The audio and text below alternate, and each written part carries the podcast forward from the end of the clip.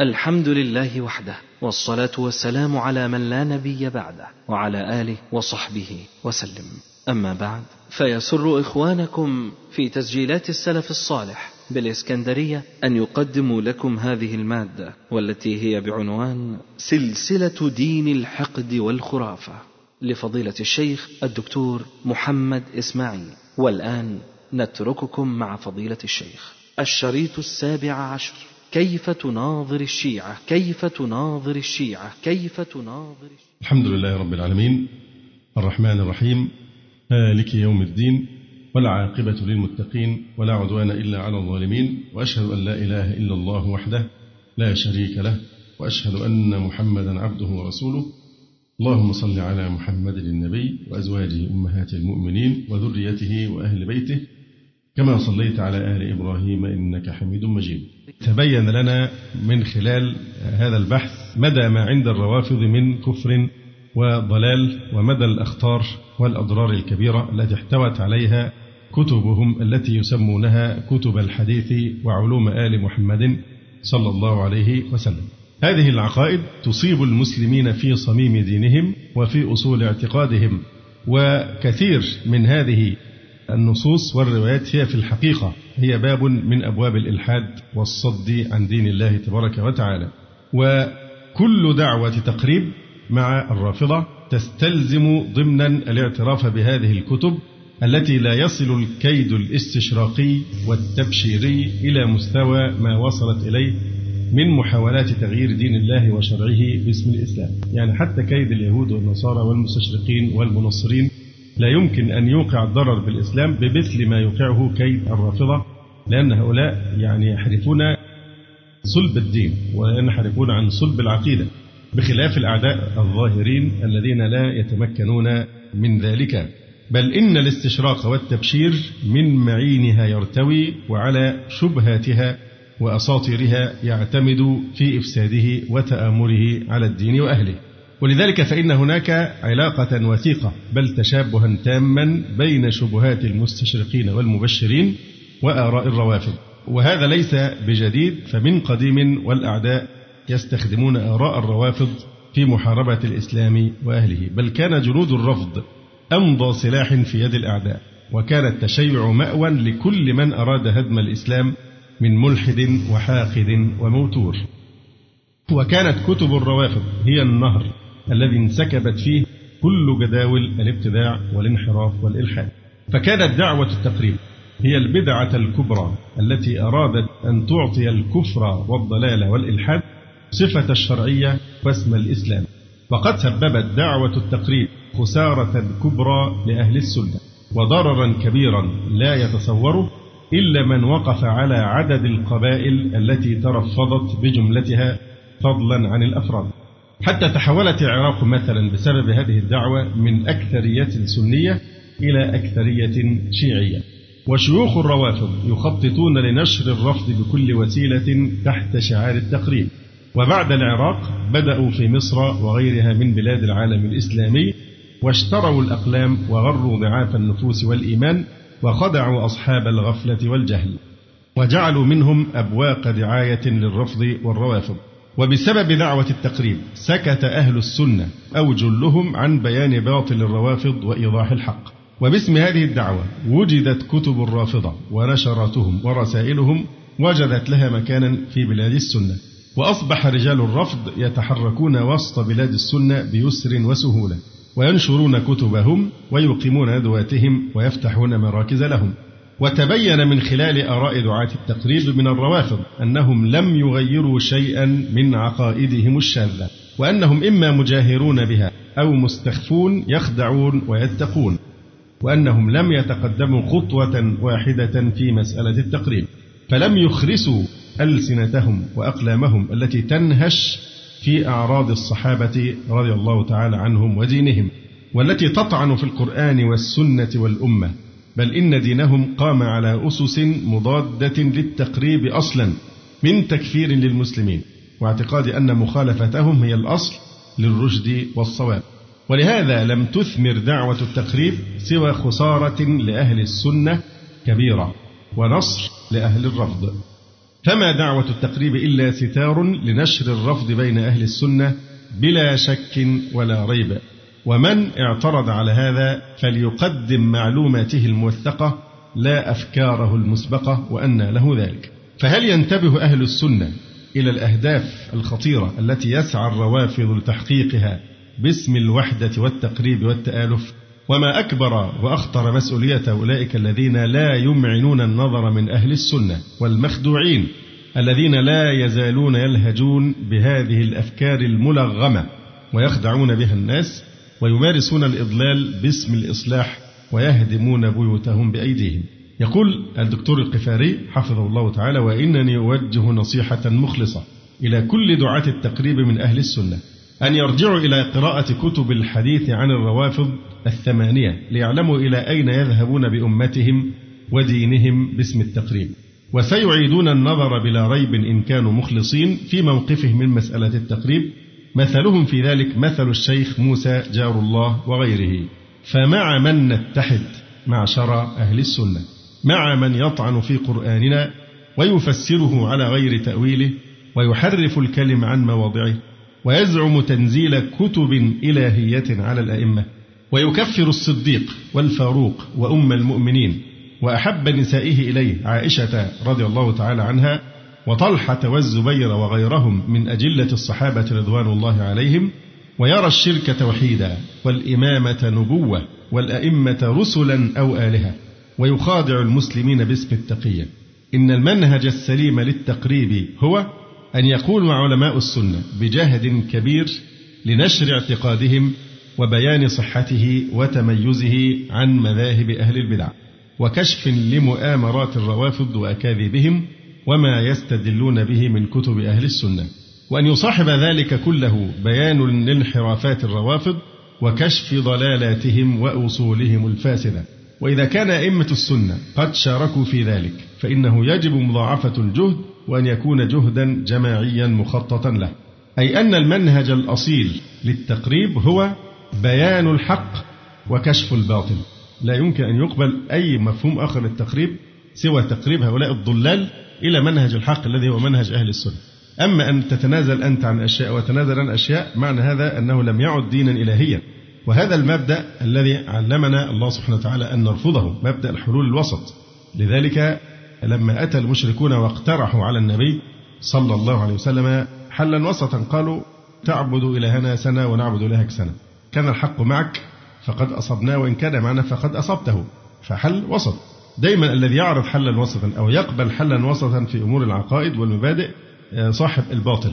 ولذلك نجد أصحاب الباطل سهل جدا يغير جلده ويغير لونه. نابليون لما ادعى الدخول في الإسلام هو الآن ليس له عقيدة فليس عنده إيه؟ إحساس أصلا بالخسارة. ده هو يغير جلده. ليس عنده عقيدة بحيث أنه هيخسرها لو غير دينه مثلا. فدايما أهل الباطل هم الذين يقبلون المساومة على الحلول الوسط سواء ذلك في عدة مجالات وليس فقط في المجال الذي نتحدث فيه. كما يتكلم أصحاب الديانات المختلفة عن قبول الآخر وتسامح واحترام الأديان إلى آخره كيف يحترم الإسلام الكفر؟ كيف؟ كيف يقبله؟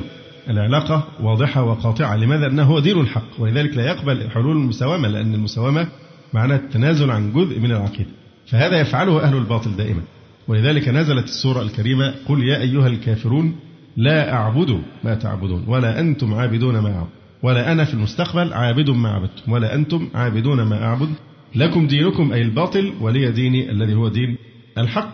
أنتم بريئون مما أعمل وأنا بريء مما تعملون. فقضية التقريب لا تقبل إلا بمفهوم واحد فقط وهو المفهوم الصحيح الوحيد للتقريب وهو أن يكون المقصود بالتقريب تقريب أهل البدع والباطل وعلى رأسهم الروافض إلى مذهب الحق مذهب أهل السنة والجماعة. ده المفهوم الوحيد للتقريب.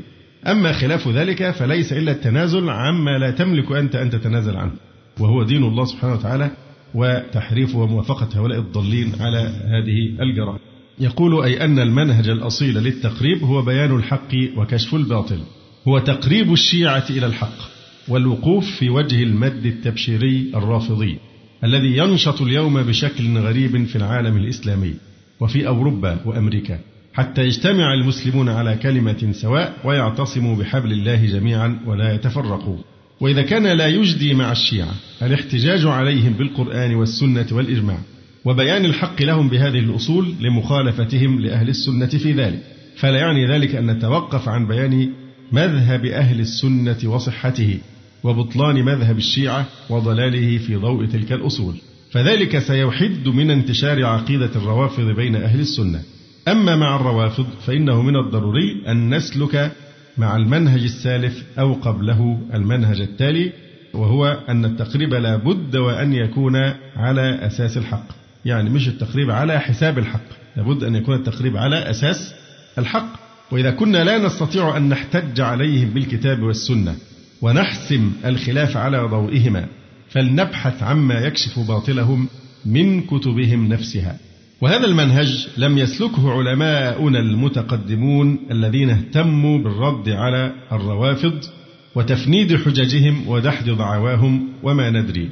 هل السبب في ذلك أن علماءنا رحمهم الله تعالى كانوا يحتقرونهم ويرونهم مصدر الكذب ومعين التزوير فأعرضوا عن النظر في كتبهم فضلا عن البحث فيها عن أدلة تكشف كذبهم وباطلهم أم أن السبب أن كتب القوم لم يكن لها ذلك الذيوع والانتشار وكانت موضع التداول الخاص بينهم؟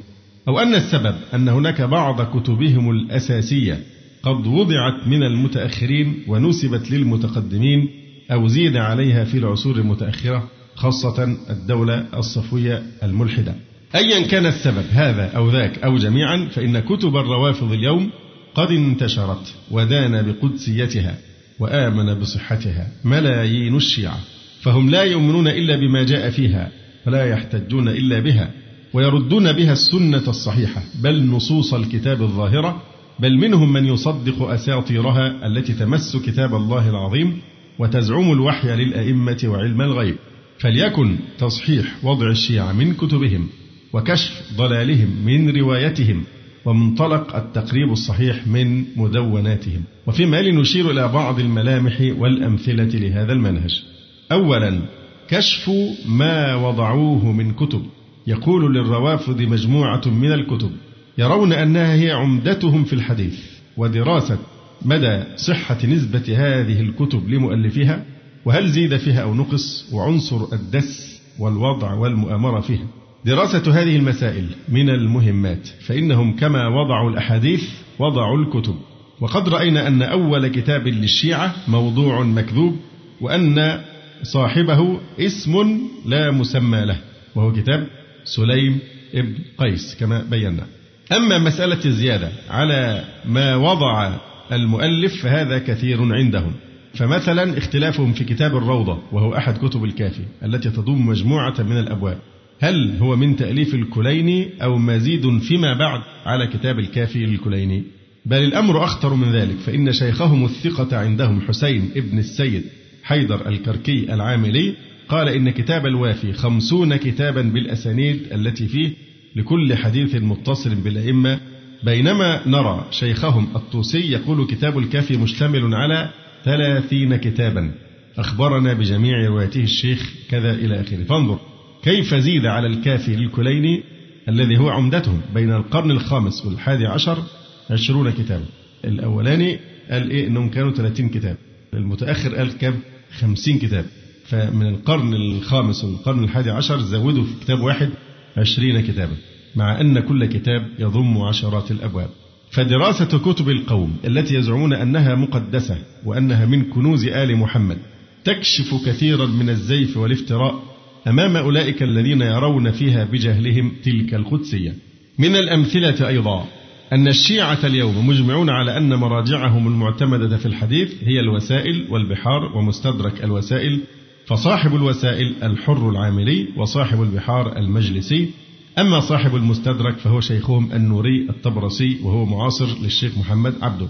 فيلاحظ هنا أن تاريخ هذه المصادر المعتمدة عند الشيعة متأخر جدا عن عصور الأئمة. يعني الكتب المعتمدة مثلا الوسائل الحر العملي توفي 1104 المجلسي توفي 1111 الطبرسي توفي 1320 فإذا الكتب المعتمدة أصحابها إيه؟ متأخرون جدا عن عصر الأئمة. فإذا كانوا قد جمعوا تلك الأحاديث عن طريق السند والرواية فكيف يثق عاقل برواية لم تسجل طيلة أحد عشر قرنا أو ثلاثة عشر قرنا؟ إنما سجلت في هذه الكتب الإيه؟ المتأخرة. وإذا كانت مدونة في كتب فلما لم يعثر على هذه الكتب إلا في القرون المتأخرة. ولما لم تجمع تلك الروايات لم يجمعها متقدموهم ولما لم تذكر تلك الكتب وتسجل في كتبهم القديمة. إن نقد أصولهم على هذا النحو وكشف الدس والافتراء فيها جدير بفتح الأعين والبصائر. إذا هذا فيما يتعلق بكشف ما وضعوه من كتب. ثانيا دراسة نصوصهم وأسانيدهم. إن من طبيعة الوضع التناقض والاختلاف. يقول تعالى ولو كان من عند غير الله لوجدوا فيه اختلافا كثيرا. والناظر في كتب الحديث عن الروافض يدهشه مدى التناقض والحيرة والاضطراب في معظم رواياتهم. حتى اعترف بهذا التناقض شيخهم الطوسي واعترف أيضا أن هذا من أسباب ترك بعض الشيعة للتشيع. إن إبراز هذا التناقض وتصويره لهو من الوسائل المهمة في كشف الباطل. كما أن كشف أسانيدهم وإيضاح حال رجالها الذين اندسوا في التشيع للكيد للإسلام هو من عوامل تعرية حقيقة الرفض ومؤسسيه. وقد رأينا أن شيخهم الطوسي اعترف بأن معظم رواتهم ممن ينتحل المذاهب الفاسدة ولكن قال بأن روايتهم معتمدة مع أنهم ينتحلون المذاهب الفاسدة لكنه مع ذلك يقول إن روايتهم معتمدة. والروافض لم يجدوا إجابة على تناقض نصوصهم إلا القول بأن هذا من قبيل التقية ولا برهان لهم يحدد أي الأقوال تقية وأي الأقوال حقيقة. وهذا ما يثبت أن مذهب أهل البيت من خلال نقل الروافض غير معروف بسبب دعوى التقية تلك وبسبب أن معظم رواتهم من أصحاب النحل الفاسدة كما اعترف بذلك الطوسي وبسبب الوضع والافتراء الذي اشتهر عندهم واعترفوا به. ولهذا فإن أقوال شيوخهم قد ضربت رقما قياسيا في التناقض والاختلاف. حتى اعترف بذلك شيخهم الفيض الكاشاني فقال عن اختلاف طائفته. تراهم يختلفون في المسألة الواحدة على عشرين قولا أو ثلاثين أو أزيد. بل لو شئت أقول لم تبق مسألة فرعية لم يختلفوا فيها أو في بعض متعلقاتها. وأخيرا هناك مجموعة من أحاديثهم توافق ما عند أهل السنة وقد قام علماؤهم بصرفها عن ظاهرها لا لشيء إلا لأنها توافق ما عند أهل السنة ولا عمدة لهم في ردها سوى عقيدة التقية. ونحن نرى أن هذه الروايات هي الروايات التي تعبر عن مذهب الأئمة وإن كانت قليلة ولا يؤمن بها شيوخ الشيعة. وأن الروايات الأخرى هي من وضع أعداء الأمة ودعاة الفرقة وإن قال بها شيوخ الشيعة. وإن تقديم تلك النصوص الموافقة لما عند أهل السنة تقديمها لناشئة الشيعة مع آيات القرآن ونصوص السنة الصحيحة لهو منهج يقطع الطريق على دعاة الفرقة وأعداء الأمة من المتسترين بالتشيع. وهو طريق من طرق التقارب إذا طبق بوعي وإيمان. ومن شأنه أن يفتح الأذهان والعقول إلى الحقيقة التي ران عليها ركام كثيف من الكذب والافتراء في كتب الشيعة. ومن أمثلة ذلك يعني من أمثلة الروايات عن الأئمة والنصوص التي توافق ما عند أهل السنة. أول المسائل عدم النص على علي رضي الله تعالى عنه. الحقيقة هذا الأسلوب الذي يذكره هنا بدأه بعض علماء الهند وباكستان والعراق من أهل السنة وأشهرهم الشيخ شاه عبد العزيز الدهلوي في كتابه القيم التحفة الاثني عشرية. واختصر هذا الكتاب الشيخ محمود شكري الألوسي رحمه الله تعالى في كتابه مختصر التحفة الاثني عشرية. وأيضا الشيخ محمد خوجة نصر الله الحسيني الصديقي الهندي في كتابه الصواعق المحرقة. والشيخ محمد عبد الستار صاحب تونسوي ومحمد صديق في العديد من رسائلهما بالأردية. لذلك الكوثري يقول إن لكتاب التحفة الاثنى عشرية دور كبير في الحد من غلو الروافض في الهند. وبالفعل الكتاب يعني من قرأ مختصره للشيخ الألوسي كتاب قيم جدا جدا في هذا الباب. المهم أولا يناقش مسألة عدم النص على علي رضي الله عنه. يقول قال الألوسي رحمه الله ومما يستدل به على عدم النص ما في نهج البلاغة من كلامه رضي الله عنه. لما أراده الناس على البيعة فإنه قال دعوني والتمسوا غيري. ده كلام في كتاب مقدس عند الشيعة كتاب له وزنه وهو نهج البلاغة. لما أراده الناس على البيعة رد علي رضي الله عنه فقال دعوني والتمسوا غيري فإننا مستقبلون أمرا له وجوه وألوان لا تقوم له القلوب ولا تثبت عليه العقول. وإن تركتموني فإني كأحدكم ولعلي أسمعكم وأطوعكم لمن وليتموه وأنا لكم وزيرا خير مني لكم أميرا. هذا النص يدل على أنه لم يكن منصوصا عليه بالإمامة من جهة رسول الله صلى الله عليه وسلم وإلا لو كان فعلا منصوصا عليه من جهة الرسول لما قال دعوني أو لعلي إلى آخر الكلام وأنا لكم إيه؟ وزيرا خير لكم من أن أكون لكم أميرا إلى آخره. هذا النص في كتاب نهج البلاغة الذي يرى الشيعة أنه من الكلام الذي لا ريب فيه ولا يأتيه الباطل من بين يديه ولا من خلفه. فهو كلام المعصوم على وجه اليقين عندهم ولا يشك الشيعة في كلمة منه. وهو يهدم كل ما بنوه من دعاوى حول النص على علي رضي الله عنه والأئمة. وفي نهج البلاغة أيضا يقول علي رضي الله عنه وهم يقولون عليا معصوم يقولون إنه بايعني القوم. الذين بايعوا أبا بكر وعمر وعثمان على ما بايعوهم عليه. فلم يكن للشاهد أن يختار ولا للغائب أن يرد وإنما الشورى للمهاجرين والأنصار. فإن اجتمعوا على رجل وسموه إماما كان ذلك لله رضا المهاجرون الأنصار اجتمعوا على رجل وسموه أي عينوه إماما كان ذلك لله رضا. فإن خرج عن أمرهم خارج بطعن أو بدعة ردوه إلى ما خرج منه فإن أبى قاتلوه على اتباعه غير سبيل المؤمنين ووالله الله ما تولى. هذا نص صريح في عدم وجود نص فالشورى في أمر الإمامة كما يقول علي هي للمهاجرين والأنصار. ومن أجمع عليه هو الإمام ومن خرج عن ذلك وجب قتاله لاتباعه غير سبيل المؤمنين. ولو كان هناك نص في الإمام لم يقل علي رضي الله تعالى عنه ذلك. وفي نص آخر يعلق استجابته للخلافة لانتخابهم له ودعوتهم إياه لا للنص الإلهي. يقول والله ما كانت لي في الخلافة رغبة ولا في الولاية إربة. يعني غرض أو طلبة. ولكنكم دعوتموني إليها وحملتموني عليها. وده في كتاب نهج البلاغة أيضا.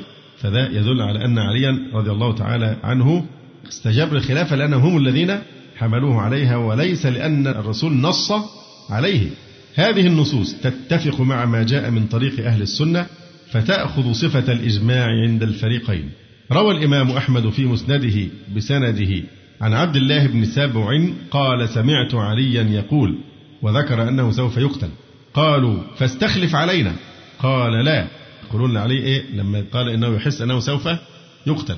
فقالوا له استخلف علينا. قال لا. ولكن أترككم إلى ما ترككم إليه رسول الله صلى الله عليه وسلم. قالوا فما تقول لربك إذا أتيته؟ قال أقول اللهم تركتني فيهم ما بدا لك ثم قبضتني إليك وأنت فيهم فإن شئت أصلحتهم وإن شئت أفسدتهم.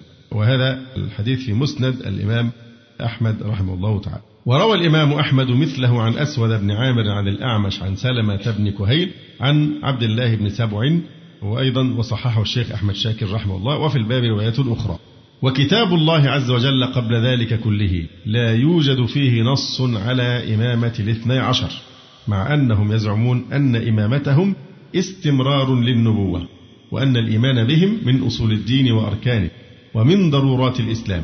فأمر بهذه الحيثية والمكانة لماذا لم يذكره الله عز وجل في كتابه؟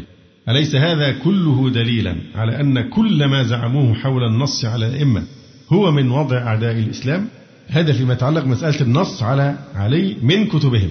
ثانيا أيضا مما يؤخذ من كتبهم ويوافق ما عندنا ثناء الأئمة على الصحابة رضوان الله عليهم. ففي الخصال لابن بابويه القمي عن أبي عبد الله قال كان أصحاب رسول الله صلى الله عليه وسلم اثني عشر ألفا. وطبعا ده كلام غير صحيح. ثمانية ألاف من المدينة وألفان من أهل مكة وألفان من الطلقاء لم ير فيهم قدري ولا مرجئي ولا حروري ولا معتزلي ولا صاحب رأي. كانوا يبكون الليل والنهار. الشاهد يعني أنه إيه؟ من كتبهم ندينهم. أنه هذا الكلام في كتاب الخصال لابن بابويه القمي وفيه عن أبي عبد الله هذا الثناء على الصحابة رضي الله تعالى عنهم وإن كان في خطأ في عدد الصحابة رضي الله تعالى عنهم أجمعين. يقول أبو زرعة قبض رسول الله صلى الله عليه وسلم عن مئة ألف وأربعة عشر ألفا من الصحابة. يبقى مئة وأربعة عشر ألف.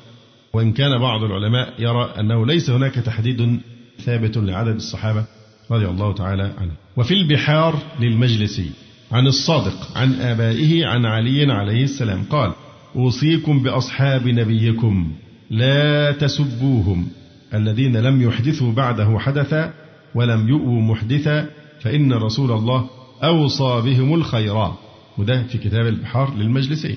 وفي البحار أيضا قال النبي صلى الله عليه وسلم طوبى لمن رآني وطوبى لمن رأى من رآني وطوبى لمن رأى من رأى من رآني. وعن موسى بن جعفر وهو إمامهم السابع قال قال رسول الله صلى الله عليه وسلم أنا أمانة لأصحابي. فإذا قبضت دنا من أصحابي ما يوعدون وأصحابي أمنة لأمتي. فإذا قبض أصحابي دنا من أمتي ما يوعدون. ولا يزال هذا الدين ظاهرا على الأديان كلها. ما دام فيكم من قد رآني. وفي معاني الأخبار لشيخهم ابن بابويه القمي الملقب بالصدوق عن جعفر بن محمد عن آبائه عليهم السلام. قال قال رسول الله صلى الله عليه وسلم ما وجدتم في كتاب الله عز وجل فالعمل لكم به لا عذر لكم في تركه. وما لم يكن في كتاب الله عز وجل وكانت فيه سنة مني فلا عذر لكم في ترك سنتي. وما لم يكن فيه سنة مني فما قال أصحابي فقولوا به. فإنما مثل أصحابي فيكم كمثل النجوم بأيها أخذ اهتدى. وبأي أقاويل أصحابي أخذتم اهتديتم. ثم زاد دعاة الفرقة بقى على هذا النص زيادة تالية. فقيل يا رسول الله ومن أصحابك؟ قال أهل بيتي. فزودوها حتى يبطلوا مفعوله. ولا شك أن تفسير الصحابة بأهل البيت فقط بعيد جدا وقد لاحظ صدوقهم هذا البعد. فعقب على النص السالف بقوله إن أهل البيت لا يختلفون ولكن يفتون الشيعة بمر الحق وربما أفتوهم بالتقية. فما يختلف من قولهم فهو للتقية والتقية رحمة للشيعة لأن النصف الأول من النص في مدح للصحابة والجزء الأخير مين هم؟ أصحابك قال أهل بيت فبيقول إيه؟ هو حسب التزوير ده. صاحب الكتاب فبيقول يبقى دي تحمل النص الأولاني ده على الإيه؟ على التقية والتقية رحمة للشيعة إذا هو يحمل النص الذي يثني على الصحابة رضي الله عنهم على التقية والعقل والمنطق يعترض على هذا التأويل. فلما يكون الثناء على الصحابة الذين أثنى الله عليهم ورسوله صلى الله عليه وسلم وشهد التاريخ بفضلهم وجهادهم تقيا ويكون السب لهم هو الحقيقة وهو مذهب الأئمة أنه لا دليل لهم على هذا المذهب سوى أنه يتمشى مع منطق أعداء الأمة. ثم إن النص السابق يرويه جعفر الصادق عن رسول الله صلى الله عليه وسلم فهل رسول الله يكذب على الأمة تقية أو أن جعفر يكذب على رسول الله من أجل التقية؟ وكلا الأمرين طعن في رسول الله صلى الله عليه وسلم وأهل بيته ومخالفة صريحة للنصوص. وفي نهج البلاغة يقول علي رضي الله عنه عن أبي بكر أو عمر رضي الله تعالى عنهما على اختلاف بين شيوخ الشيعة في ذلك هل أبو بكر ولا عمر؟ لله بلاء فلان. يعني علي بيمدح إما أبا بكر وإما يمدح عمر. لله بلاء فلان أي عمله الحسن في سبيل الله. فلقد قوم الأود. يعني قوم عجاج الخلق عن سبيل الله إلى الاستقامة. وداوى العمد وأقام السنة. وخلف الفتنة يعني تركها خلفه لا هو أدركها ولا هي أدركته. وخلف الفتنة. ذهب نقي الثوب قليل العيب أصاب خيرها وسبق شرها أدى إلى الله طاعته واتقاه بحقه. هذا في نهج البلاغة. وهذا نص عظيم يهدم كل ما بنوه وزعموه من عداوة وصراع بين علي والشيخين رضي الله تعالى عنهم أجمعين. وقد احتار الروافض بمثل هذا النص. لأنه في نهج البلاغة وهو عندهم قطعي الثبوت وصور شيخهم ميثم البحراني ذلك بقوله واعلم أن الشيعة قد أوردوا هنا سؤالا فقالوا إن هذه الممادح التي ذكرها في حق أحد الرجلين تنافي ما أجمعنا عليه من تخطئتهم وأخذهما لمنصب الخلافة فإما أن لا يكون هذا الكلام من كلامه عليه السلام وإما أن يكون إجماعنا خطأ. ثم حملوا هذا الكلام على التقية. وأنه أي علي إنما قال هذا المدح من أجل استصلاح من يعتقد صحة خلافة الشيخين واستجلاب قلوبهم بمثل هذا الكلام. يتألف قلوب إيه؟ الناس اللي بتعظم أبا بكر وعمر بمثل هذا الكلام لكن طبعا هو بيقول على سبيل الإيه؟ التقييد. أي أن عليا في زعمهم أراد خداع الصحابة وأظهر لهم خلاف ما يبطن وخطب هذه الخطبة العامة أمام الناس وهي مبنية على الكذب. هذا هو جواب من يزعم التشيع لعلي رضي الله عنه وما أعتقد عاقلا يرتضي هذا الجواب. وإننا نقول بأن إجماع الشيعة ضلال وقول علي هو الحق والصدق وهو الذي لا يخاف في الله لومة لائم. رضي الله عنه. هذه نماذج من ذلك الخيط الأبيض الموجود في كتب الشيعة. وهناك أمثلة كثيرة تركناها لضيق المجال. وهي بحاجة إلى إبرازها وإظهارها من بين الركام الأسود الذي أحاط به. والذي نسجه أعداء الإسلام حتى أصبحت مثل هذه الروايات وسط ذلك الركام كالشعرة البيضاء في الثور الأسود. ومن العجب أن يرجح شيوخهم تلك الروايات لا لشيء إلا لكثرتها. قال المفيد في حديث له عن اختلاف أحاديثهم وما خرج للتقية لا تكثر روايته كما تكثر رواية المعمول به. هذه هي قاعدتهم وما أوهاها من قاعدة تجعل الكثرة مقياس الصحة وإن خالفت النصوص المتواترة والوقائع الظاهرة. وإننا نرى أن تلك الروايات القليلة في مدح الصحابة وفي إنكار النص هي التي توافق مذهب الأئمة وأن خلاف ذلك هو من صنع أعداء الإسلام وإن كثر. وتدل رواياتهم ونصوصهم عن الأئمة أن الوضع في كتبهم قد شاع والكذب على الأئمة قد ذاع. تقول كتب الشيعة إن الإمام الصادق قال إن لكل رجل منا رجلا يكذب عليه. وقال إن المغيرة بن سعيد دس في كتب أصحاب أبي أحاديث لم يحدث بها فاتقوا الله ولا تقبلوا ما خالف قول ربنا وسنة نبينا. والمغيرة هذا هو الذي قال فيما حكوه عنه قد دسست في أخباركم أخبارا كثيرة تقرب من مئة ألف حديث. وقال جعفر الصادق إن أهل بيت صادقون لا نخلو من كذاب يكذب علينا فيسقط صدقنا بكذبه. وتتفق هذه الشهادات مع اتفاق علماء السنة على أن الكذب في الرافضة أظهر منه في سائر الطوائف. ومن تأمل كتب الجرح والتعديل المصنفة في أسماء الرواة والنقلة وأحوالهم عن أهل السنة رأى المعروف عندهم بالكذب في الشيعة أكثر منهم في جميع الطوائف. ولهذا قال الإمام مالك رحمه الله تعالى نزلوا أحاديث أهل العراق منزلة أحاديث أهل الكتاب. لا تصدقوهم ولا تكذبوهم. واستغل هؤلاء الكذبة عقيدة التقية في إشاعة الكذب على الأئمة كما أن قواعد قبول الأحاديث عن الرافضة قد يسرت سبل دخول الكذب من أوسع أبوابه. فالكذب لنصرة المذهب مستعمل وحتى اليوم بين شيوخهم الكبار. كما أنهم قبلوا روايات بل مراسيل الأفاكين الذين يطعنون في كتاب الله حتى لو كان صاحب هذه المراسيل تفصله قرون عن عصر الأئمة. كما قبلوا مراسيل الطبرسي في القرن السادس عن علي بن أبي طالب في القرن الأول. يعني هو في القرن السادس وبيرسل الأخبار عن علي. بينك وبين علي ست قرون ومع ذلك ترسل الأخبار عن علي هل يصح مثل هذا في العقل حتى؟ فيقول كما قبلوا مراسيل الطبرسي في القرن السادس عن علي بن أبي طالب في القرن الأول يعني بدون أسانيد.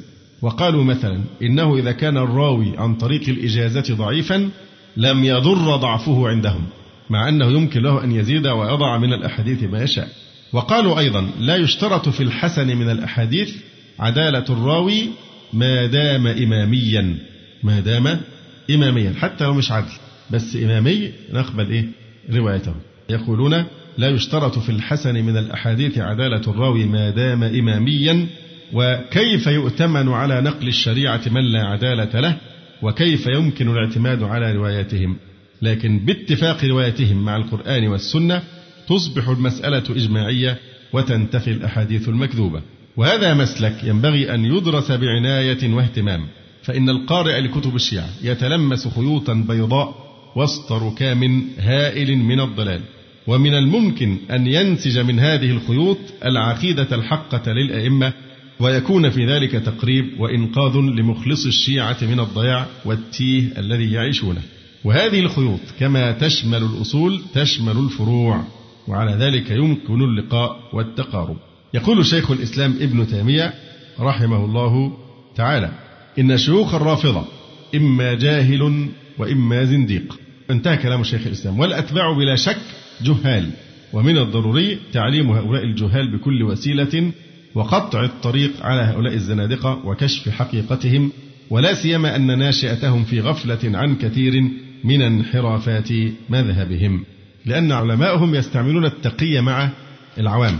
علماءهم يستعملون التقية مع العوام ولا يبرزون لهم كل الضلالات. وطبعا العوام بالذات يحتاجون نوع من الحذر يعني تكفير العوام في الشيعة عايز حذر. أما الآيات الشيطانية فهؤلاء يعني إيه؟ في الهواء الطلق. نعم. ثم يختم هذا البحث بقوله تبين لنا من خلال هذا البحث مجموعة من القضايا والمسائل الهامة التي تنير الطريق حول فكرة التقريب بين أهل السنة والشيعة.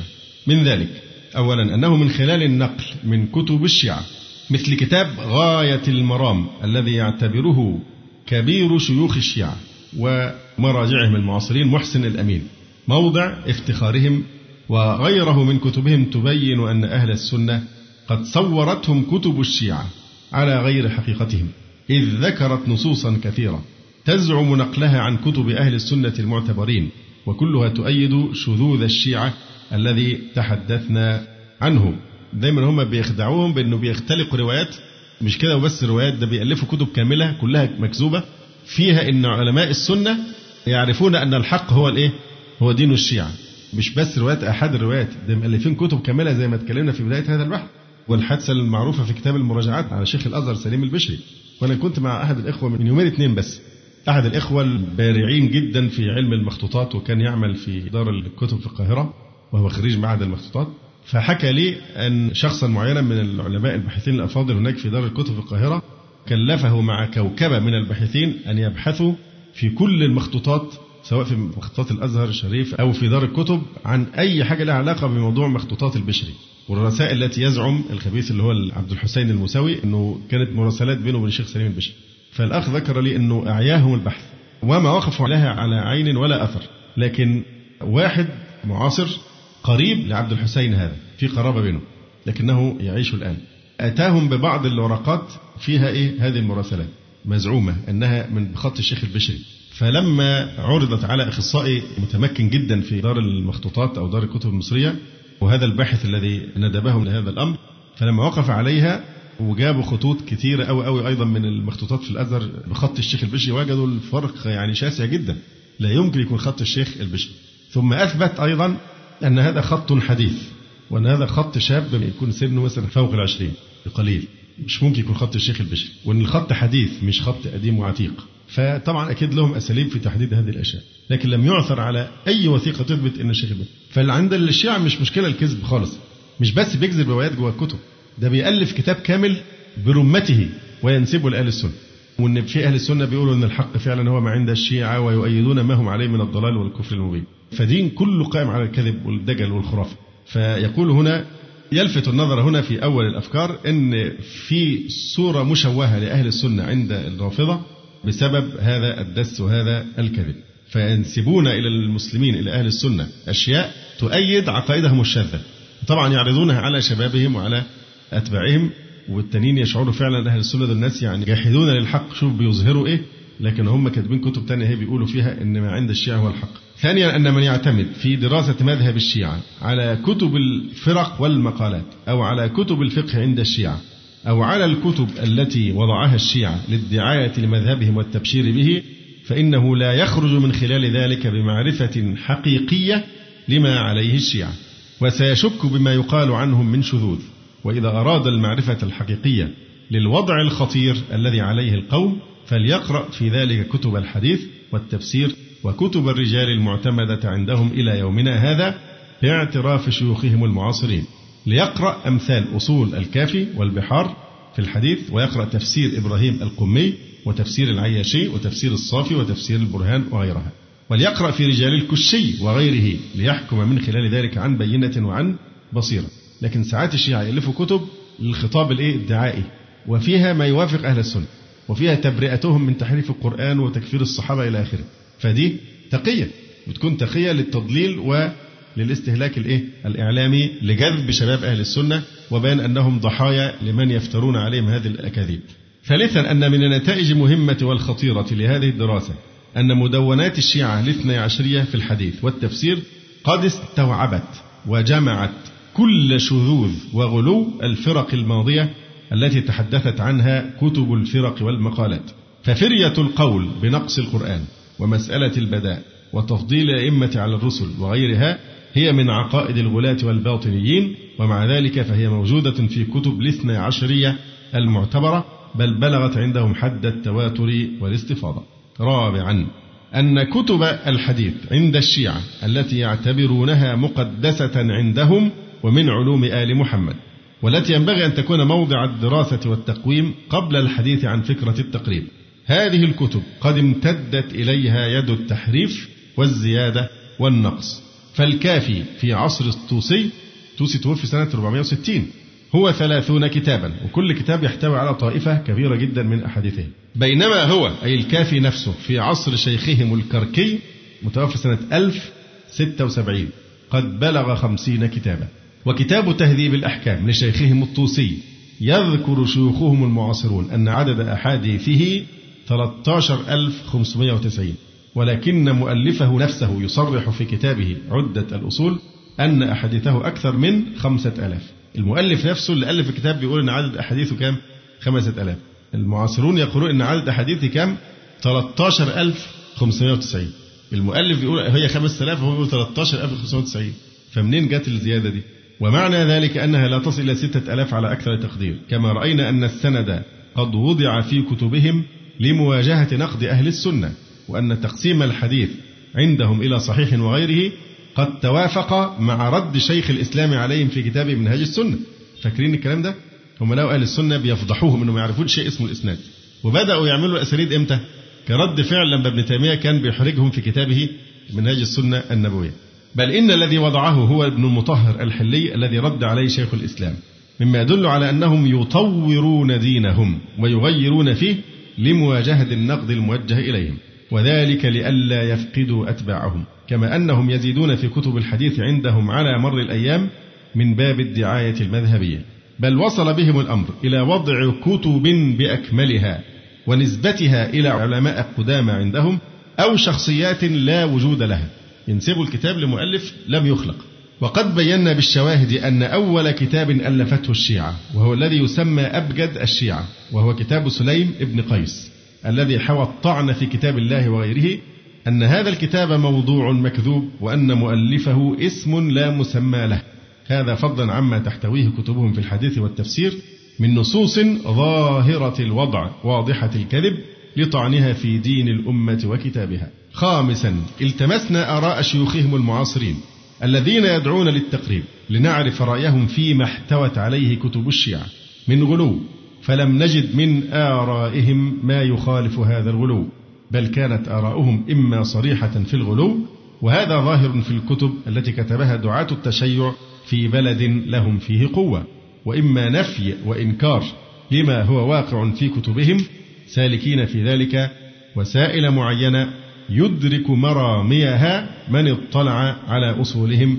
وكشفنا ذلك بالحقائق والأرقام بلا تجن أو ظلم. سادسا كانت محاولات التقريب من جانب الشيعة. مجرد ستار لنشر التشيع في ديار أهل السنة. وقد أفاد الشيعة من هذه الدعوة في نشر كتبهم وبث دعايتهم وكان لها آثار سلبية كثيرة على أهل السنة. يدرك ذلك من وقف على ظواهر المد الشيعي في بلاد السنة.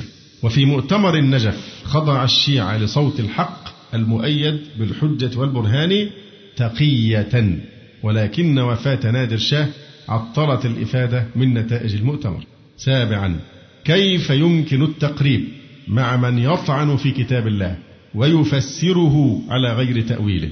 ويزعم تنزل كتب إلهية على أئمته بعد القرآن الكريم ويرى الإمامة نبوة والأئمة عنده كالأنبياء أو أفضل ويفسر عبادة الله وحده والتي هي رسالة الرسل كلهم بغير معناها الحقيقي ويزعم أنها طاعة الأئمة وأن الشرك بالله طاعة غيرهم معهم ويكفر خيار صحابة رسول الله صلى الله عليه وسلم ورضي الله عنهم. ويحكم بردة جميع الصحابة إلا ثلاثة أو أربعة أو سبعة على اختلاف رواياتهم. ويشذ عن جماعة المسلمين بعقائد في الإمامة والعصمة والتقية. ويقول بالرجعة والغيبة والبداء. ومعظم هذه الآراء كانت في نظر السلف من عقائد الباطنية والغلاة الكفرة ولكنها مستفيضة في كتب الاثني عشرية وقد بينا ذلك بالشواهد.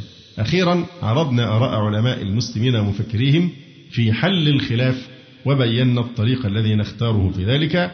والله الهادي إلى سواء السبيل. ثم جمع في نهاية الكتاب وثائق ونصوص.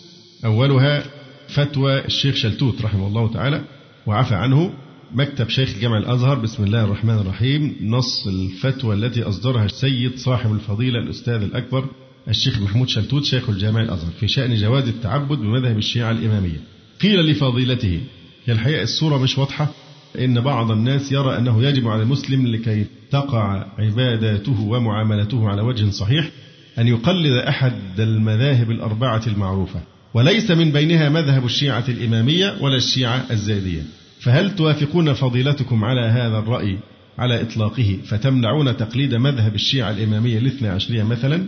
فأجاب فضيلته واحد إن الإسلام لا يوجب على أحد من أتباعه اتباع مذهب معين بل نقول إن لكل مسلم الحق في أن يقلد بادئ ذي بدء أي مذهب من المذاهب المنقولة نقلا صحيحا والمدونة أحكامها في كتب الأئمة ولا إيه؟ كلمة مسوحة ولمن قلد مذهبا من هذه المذاهب أن ينتقل إلى غيره أي مذهب كان ولا حرج عليه في شيء من ذلك. هدية هدية يعني تاريخية للشيعة وبعدين في مغالطة شديدة جدا في الكلام. هو الإسلام لا يجب على أحد من اتباع مذهب معين. لكن هل مذهب ولا دين؟ هل أنا حر أدخل في دين الإسلام أو في دين تاني؟ أم يوجب علي الإسلام أن أتمسك بالإسلام؟ فهذا دين آخر. فكأنه بيحصر الخلاف في مسائل الإيه؟ العملية. الوضوء والصلاة والأحكام. كأن خلاف بيننا وبينهم في قضايا إيه؟ فقهية عملية. وليس في قضايا العقيدة فهو ده ده دين. هل يجوز للمسلم أن ينتقل من دينه إلى دين آخر؟ ده هي دي حقيقة السؤال. ولذلك الفتوى دي يعني أفادوا منها إفادة عظيمة جدا في تضليل المسلمين. ثانيا أن مذهب الجعفرية المعروف بمذهب الشيعة الإمامية الاثني عشرية مذهب يجوز التعبد به شرعا كسائر مذاهب أهل السنة. فينبغي للمسلمين أن يعرفوا ذلك وأن يتخلصوا من العصبية بغير الحق لمذاهب معينة فما كان دين الله وما كانت شريعته بتابعة لمذهب أو مقصورة على مذهب فالكل مجتهدون مقبولون عند الله تعالى. يجوز لمن ليس أهلا للنظر والاجتهاد تقليدهم والعمل بما يقرونه في فقههم ولا فرق في ذلك بين العبادات والمعاملات. محمود شلتوت. طب وفين العقائد؟ لا فرق في ذلك بين العبادات والمعاملات. طب وأين العقائد؟ أين اختلاف معنى في أصول الدين وفي العقيدة؟ فطبعا كانت خطيئة يعني تاريخية في الحقيقة نسأل الله أن يعفو عنه لأنه غالبا الشيخ شتوت لعله انخدع بكتبهم أو قدموا له كتبا فيها إيه؟ نوع من التقية فخدعوه لأن يصعب جدا أن يتخيل الشيخ الأزهر لا يعرف حقيقة الرافضة. لكن يبدو أنه أحيط بمجموعة زورت له واستعملت معه التقية فخدع بكلامهم والله تعالى أعلم. أما شيخ الروافض الشيخ محمد الخالصي. فهنا في سؤال تاني بقى. سؤال متوجه له هو مصور الفتوى هنا. برضه التصوير مش واضح لكن هحاول أراها على قد ما أقدر يعني. استفتاء من البحرين. هل يجوز تقليد أحد أئمة المذاهب الأربعة؟ ده من علماء المين. الشيعة بيردنا بقى الجميل. سماحة حجة الإسلام والمسلمين. مولانا الشيخ محمد الخالصي. أيده الله تعالى. السلام عليكم ورحمة الله وبركاته. وبعد فقد تردد على أسماعنا ما يصلنا عنكم من دعوتكم إلى توحيد الكلمة. وجمع شتاتها بين المسلمين حتى أخذت هذه الدعوة تنشط وتدعو إلى الارتباط في نفس المذاهب حيث لا فرق بين المذاهب الإسلامية. ومن هنا أردنا أن نتقدم لسماحة مولانا الإمام بالسؤال التالي راجين الجواب الشافي. بالإسهاب دون الإيجاز. هذا ودمتم برعاية الله وتأييد. البحرين قرية عراد من المحرق عبد الحسين بن الحاج راشد المرادي. وكان خلاصة جوابي على هذا السؤال هو قول والخلاصة. أنه لا يجوز الدخول في مذهب من المذاهب الأربعة ولا تقليد أي ميت من الأموات ما لم يرجع إلى المجتهد الحي. محمد الخالصي الكاظمية جامعة مدينة الإيه؟ العلم. ملاحظة ده في بعد الفتوى. قد يظن بعض الناس أن الشيعة الإمامية مقلدون للإمام جعفر بن محمد عليه السلام في الفتوى والأمر ليس كما يظنون إن الإمامية لا يفرقون بين جعفر بن محمد وآبائه وأبنائه عليهم السلام. ويأخذون الحديث عنهم جميعا ومن طريقهم يصلون إلى السنة لا من طريق البخاري ومسلم وأمثالهما.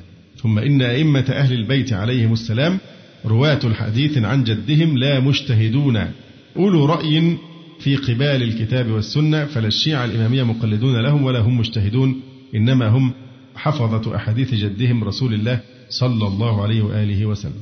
الوثيقة الثالثة سورة الولاية المزعومة. دي السورة اللي بيزعموا إن دي سورة الصحابة شالوها من القرآن والعياذ بالله اللي هي اسمها سورة النورين ساعات بيسموها. وفي دراسة مستقلة عندي تفتت هذه السورة المزعومة بتبين ضعفها حتى من حيث اللغة واللحن وركاكة الأسلوب إلى آخره.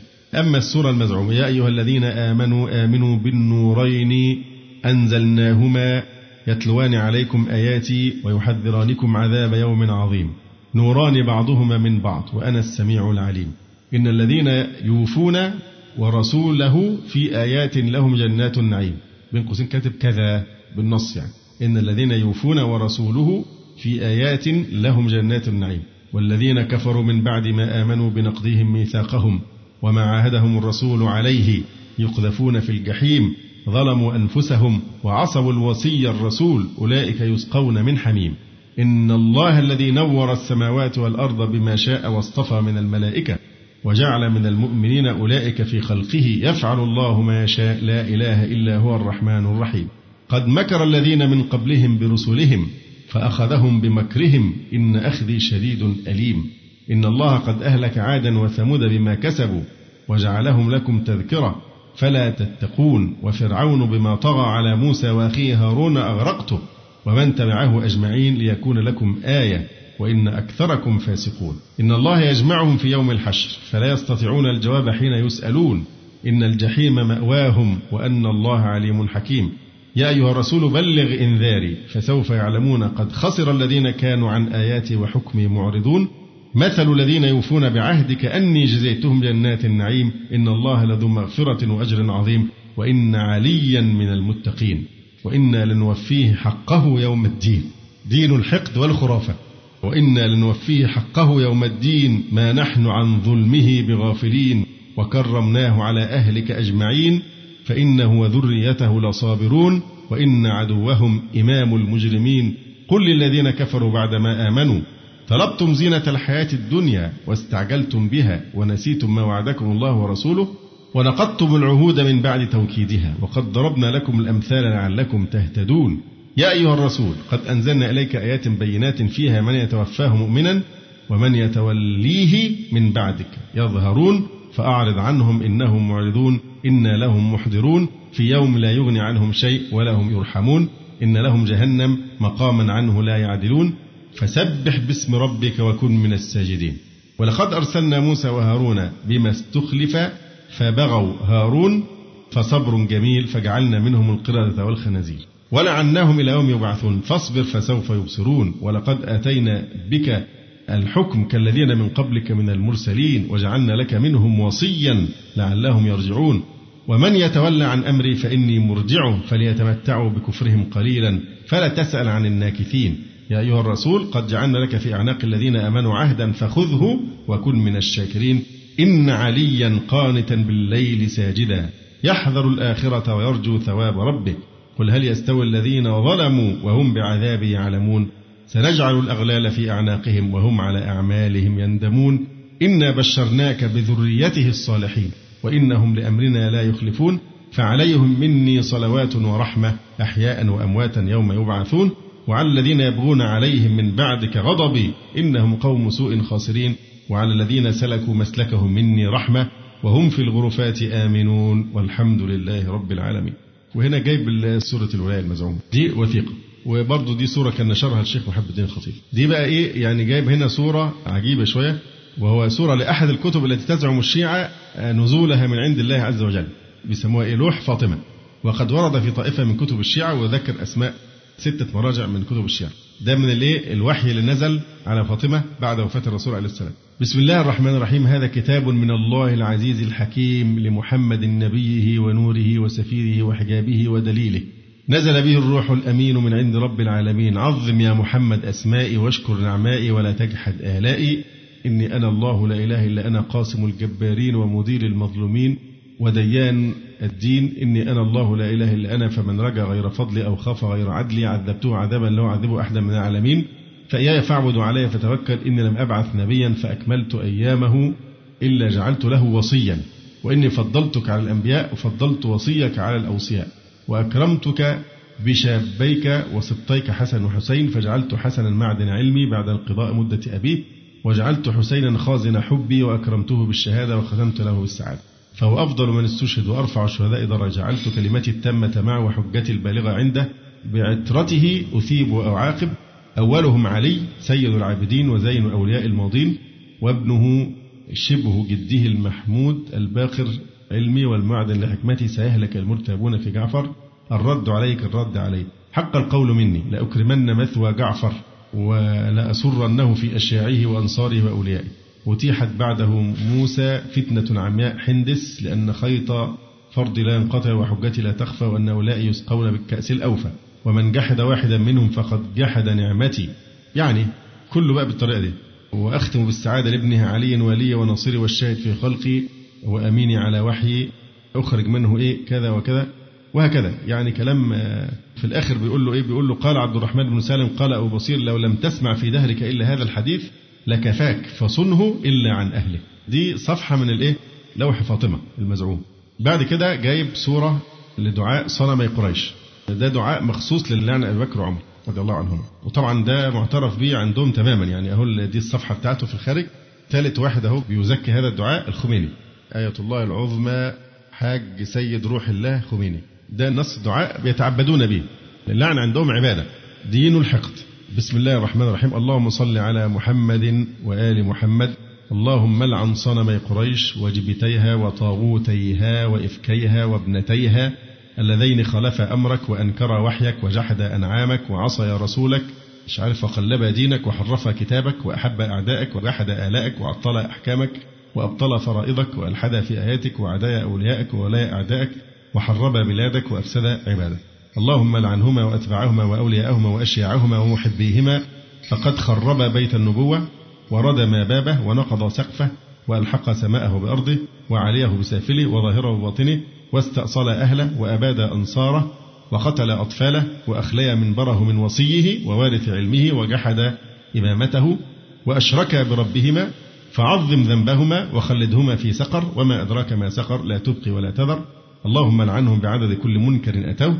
وحق أخفوه ومنبر علوه ومؤمن أرجوه ومنافق والوه وهكذا. حاجة الحقيقة يعني اللهم لعنهم في مكنون السر وظاهر العلانية لعنا كثيرا أبدا دائما أبدا سرمدا لا انقطاع لعدده ولا نفاد لأمده.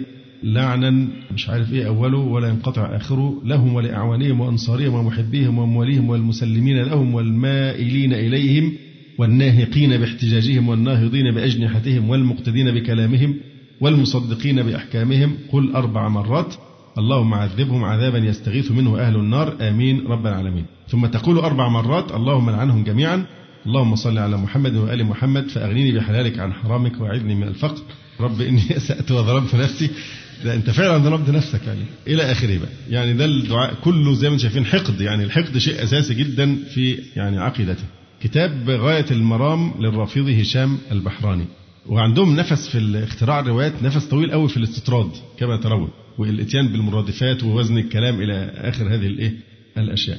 كل قضية الوجود كله بيدور حول موضوع الإمامة وعلي واللي ظلموا علي واللي غصبوا منه الخلافة ولعنوهم وهكذا. هذا دين ده دين يعني سبحان الله حاجة الحقيقة يعني. مثلا في هذا الكتاب الباب الثالث والأربعون وقال الذين كفروا ربنا أرنا الذين أضلانا من الجن والإنس نجعلهما تحت أقدامنا ليكونا من الأسفلين. التفسير بتاعهم بقى بيقول إيه؟ الباقر قال هما الأول والثاني. ربنا أرنا اللذين عشان المثنى يعني. اللذين بقى أبو بكر وعمر. ربنا أرنا الذين أضلانا من الجن والإنس نجعلهما تحت أقدامنا ليكونا من الأسفلين. عن ابن عباس قال عليه السلام يعني علي أول من يدخل النار في مظلمتي عتيق وابن الخطاب. يعني أبو بكر وعمر. أول اثنين يدخلوا النار لأن هم أول ناس ظلموا ظلموا عليا يعني. وقرأ هذه الآية. الصور ممسوحة جدا لبقية الكتب. تاخدش هنستطيع ان إحنا نقراها. في كمان وثيقة مهمة قوي وهو كلام للشيخ حسنين مخلوف رحمه الله تعالى إنه بيثبت إنه حصل اعتراض من علماء الأزهر ومنهم الشيخ مخلوف على تصرف الشيخ محمود شلتوت رحمه الله. إنه اعترضوا على هذه الوثيقة التاريخية المؤلمة فده جزء من كلام الشيخ مخلوف. بيقول إيه رحمه الله تعالى؟ بدأت فكرة التقريب بين أهل السنة والشيعة حينما كان بمصر رجل شيعي اسمه محمد القمي. وسعى في تكوين جماعة سماها جماعة التقريب وأصدر مجلة التقريب وكتب فيها بعض الناس. وأنا لم أكن موافقا على التقريب ولا على المجلة ولذلك لم أكتب في المجلة ولم أجتمع مع جماعة التقريب في مجلس ما. وقد سعى القمي لدى الشيخ شلتوت في أن يقرر تدريس الفقه الشيعي الإمامي في الأزهر أسوة بالمذاهب الأربعة التي تدرس فيه. وأنا حين علمت بهذا السعي كتبت كلمة ضد هذه الفكرة. وأنه لا يصح أن يدرس فقه الشيعة في الأزهر. ألا ترون أن الشيعة يجيزون نكاح المتعة؟ ونحن في الفقه نقرر بطلان نكاح المتعة؟ وأنه غير صحيح وقد أبلغت هذا الرأي لأهل الحل والعقد في مصر إذ ذاك وأصدروا الأمر لشيخ الجامع الأزهر بأنه لا يجوز تدريس هذا الفقه فيه ولم ينفذ والحمد لله. هي بخطه بخط الشيخ مخلوف في الصورة. بخط الشيخ رحمه الله. على الأحوال كده بيعتبر مررنا مرورا شبه شامل يعني على هذا البحث الجميل. قيم مسألة التقريب بين أهل السنة والشيعة للدكتور ناصر ابن عبد الله ابن علي القفاري. لكن الحقيقة أنصح الإخوة أن يدرسوا كتابا أهم من هذا بكثير جدا جدا. لأن الدكتور القفاري لما عمل رسالة الماجستير في قضية التقريب وهي هذا البحث الذي درسناه حينما جاء دور إعداد رسالة الدكتوراه كان هيكتب في موضوع تاني خالص. لكن أساتذته المشرفين عليه قالوا لا لما رأوا جودة بحثه وحسن منهجه قالوا لا أنت اكتب لنا اعمل رسالة الدكتوراه في أصول مذهب الشيعة. وفعلا جاءت في رسالة قيمة جدا أصول مذهب الشيعة في ثلاث مجلدات كبيرة موجودة ومتوفرة. أصول مذهب الشيعة. وطبعا هو أبدع في هذا البحث. أنا لم يكن عندي منه نسخة ولكن حصلت عليها لكن لم أشأ أن أنا أترك الكتاب ولا نكمل الكتاب الذي شرعنا فيه. فأنا أنصحكم بالرجوع لهذا الكتاب ودراسته لأنه كتاب وافي جدا جدا ومركز بس مش على أساس التقريب لأ ده في شرح دين الشيعة بأدلة أوسع وأعمق. فطبعا عشان إحنا مش معقول هنقضي كل الوقت في قضية واحدة يكفي ما عرضناه ليدلل على منهج فهم هؤلاء الناس وبيان أنهم على دين غير دين الإسلام. هو دين تاني تماما مخالف لدين الإسلام وأن هذا ليس تهورا ولا اندفاعا ولا حماسا عاطفيا ضد الشيعة وإنما ده كلام العلمي. بالعكس الناس الذين لا يعتقدون هذا هم الذين لم يوفوا الأمر حقه ولم يطلبوه من مظنه ولم يسلكوا المنهج العلمي في الحكم بسبب أنهم ربما يكون قد خدعوا أنفسهم عن طريق الإنكار أو أنهم خدعوا عن طريق الشيعة في الدعاية الشيعية المضللة والتي تقوم أساسا على التقية. فالحكم الصحيح على الشيعة إنما يتم من خلال النظر في كتبهم المقدسة التي يقدسونها فمن ثم لأننا عندنا لسه في ملفات تانية في موضوع الشيعة مش عايز أفضل واقف بس عند موضوع أصول مذهب الشيعة. العرض هنا كان مختصر بس شامل أعطانا صورة تكفي إن شاء الله تعالى مؤقتا. لكن أنصح الإخوة أن يقرأوا الكتاب الثاني اللي هو أقوى بكثير جدا وهو كتاب إيه؟ أصول مذهب الشيعة ثلاث مجلدات. أعتقد أنه طبع دار طيبة. ظهور الشيعة لا من ناحية الكتب أنا ممكن أقول لكم اسم 200 كتاب موجودة في الموضوع ده لكن أنا من خلال هذا العدد الهائل مش عايزين نكرر يعني. فمن ثم أنا أنصحكم بالإهتمام بهذا الكتاب وأن أي حد ابتلي بالحوار مع شيعي يرجع لكتاب أصول مذهب الشيعة لأنه كتاب موثق وكما رأيتم كل النقولات مأخوذة من كتبهم المقدسة ومن كلام حاخاماتهم. لكن ما زال معنا بعض القضايا المهمة في نفس الموضوع موضوع التقريب مع الروافض أو توعية الشباب بخطر الشيعة القادم.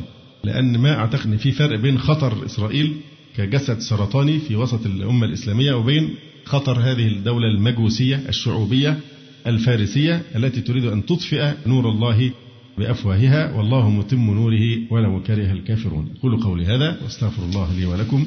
سبحانك اللهم ربنا وبحمدك. أشهد أن لا إله إلا أنت. أستغفرك وأتوب إليك. وفي الختام تقبلوا تحيات إخوانكم في تسجيلات السلف الصالح بالإسكندرية. هاتف رقم صفر ثلاثة فاصل أربعة تسعة أربعة سبعة ستة خمسة اثنان. والتليفون محمول صفر عشرة واحد ستة أربعة واحد تسعة ثمانية صفر. والسلام عليكم ورحمة الله وبركاته.